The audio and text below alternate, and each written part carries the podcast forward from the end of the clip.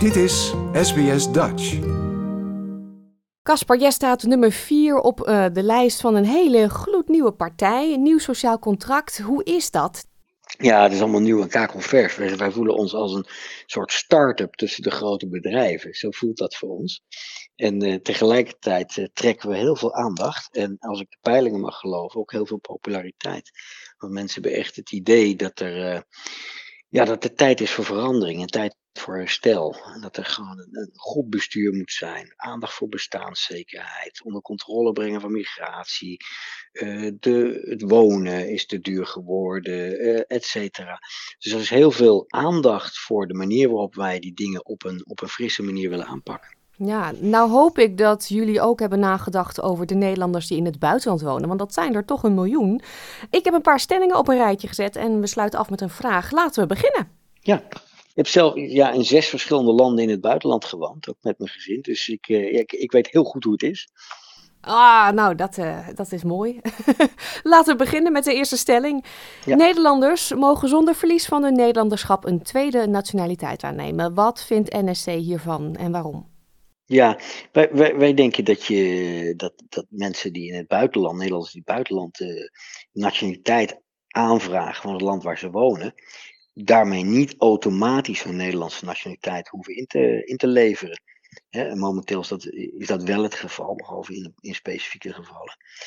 En we vinden ook dat, dat het verlengen van een paspoort van Nederlanders in het buitenland, met een, als een tweede nationaliteit hebben, van een niet-EU-land, dat dat ja, mogelijk moet blijven. En daar zijn natuurlijk de nodige controles bij nodig met het oog op het tegengaan van veiligheidsrisico, bijvoorbeeld terrorisme. Nou, dat zal niet gelden voor de meeste Nederlanders in Australië, maar je hebt Nederlanders die misschien een, een dubbele nationaliteit hebben in combinatie met een land waar, waar toch bepaalde risico's soms aan verbonden zijn. Uh, die dingen willen we wel uitzoeken, net zoals belastingontwijking, het misbruik van het recht op dienstverlening in het buitenland. Maar de stelregel moet wel zijn, ja, het moet mogelijk zijn dat je als Nederlander uh, uh, nationaliteit van het land waar je woont aanvraagt, maar ook gewoon de Nederlandse nationaliteit behoudt. Ja, dat is goed nieuws voor Nederlanders in het buitenland. Voor Nederlanders woonachtig in het buitenland moet zo snel mogelijk een online paspoortbalie worden geopend. Dat is dus tweede stelling. Hoe denkt NSC daarover? Ja, um, als, als, het, als het daarover gaat, maar de consulaire dienstverlening, het verlengen van een paspoort of een rijbewijs. We vinden dat dat eigenlijk zoveel mogelijk digitaal moet kunnen worden geregeld.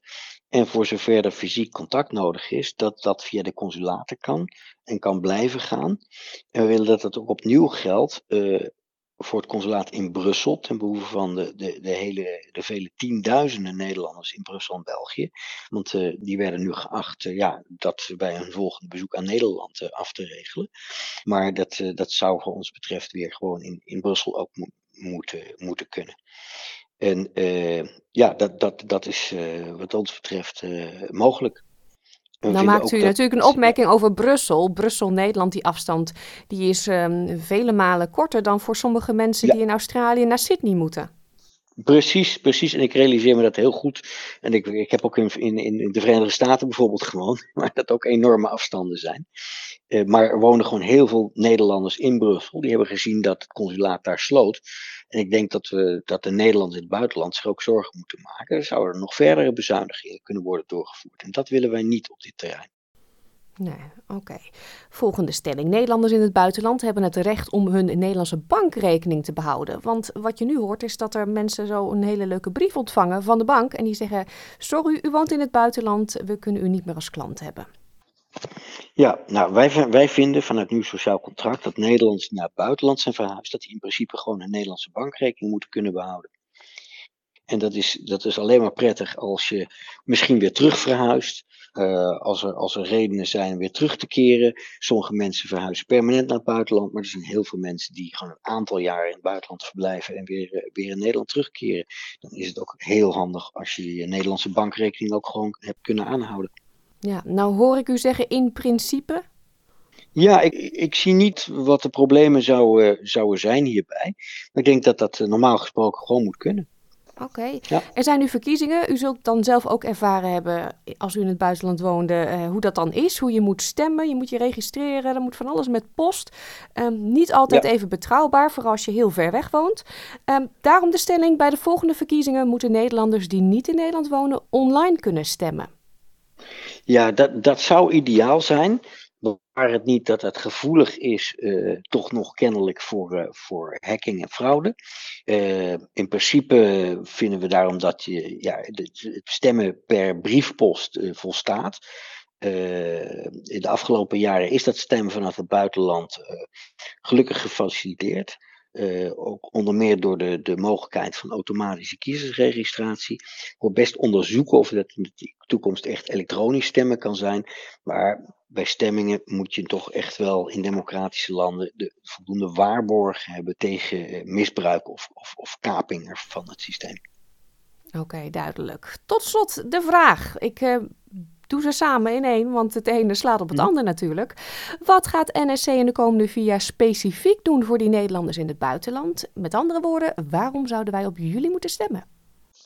Nou, ik, ehm, wij vinden bijvoorbeeld uh, dat uh, ook iedereen die afgelopen jaren onbewust of ongewild de Nederlandse nationaliteit is kwijtgeraakt, dat die weer opnieuw uh, kan aanvragen. En dat die, de, overheid die, met, met, die aanvragen met, met de nodige spoed moet behandelen. Uiteraard met, met inachtname van, van de, de controles op veiligheidsrisico's en dergelijke, die ik al eerder noemde. Maar we vinden dat dat gewoon weer mogelijk moet zijn. Wij vinden ook Nederlands onderwijs in het buitenland uh, dat daarin moet worden blijven investeren. Het Nederlands taalonderwijs, de NTC-situaties en dergelijke. Soort ondersteuning van de studie Nederlandse taal letterkunde aan universiteiten, maar ook gewoon Nederlandse scholen in het buitenland en Nederlandse scholingssituaties. Ik heb zelf uh, vier kinderen die, uh, die die situaties hebben meegemaakt en die daar nog steeds enorm van profiteren. Omdat ze daardoor een culturele band en een taalband met Nederland zijn blijven opbouwen, waar ze nu van profiteren tot slot, waarom zou je op nieuw sociaal contract ook stemmen als Nederlander in het buitenland? We hebben op diverse plaatsen op onze kieslijst mensen staan die zelf in het buitenland op dit moment wonen in Brussel dan in Londen, waar ik woon op dit moment, uh, dan wel echt ervaren zijn met het wonen in het buitenland. Nicolien van Vroonhoven, onze nummer twee, vijf jaar in Australië gewoond. Zo, ik heb op, uh, in zes verschillende landen uh, gewoond met mijn gezin. We zijn dus ervaringsdeskundig en we weten heel goed wat Nederlanders in het buitenland beweegt. En hoe lastig het soms ook is om ja, niet in de precieze regeltjes te vallen en te passen. En waardoor je weer moeite moet doen om te zorgen dat je, je administratie met Nederland op orde is. Maar de band blijft heel belangrijk. We hebben een hart voor Nederlanders in het buitenland. Omdat we weten dat die Nederlanders dat hart ook voor Nederland hebben. Dank u wel, Caspar Veldkamp. En uh, heel veel succes de laatste dagen. Ja, hartelijk dank. Like, deel, geef je reactie. Volg SBS Dutch op Facebook.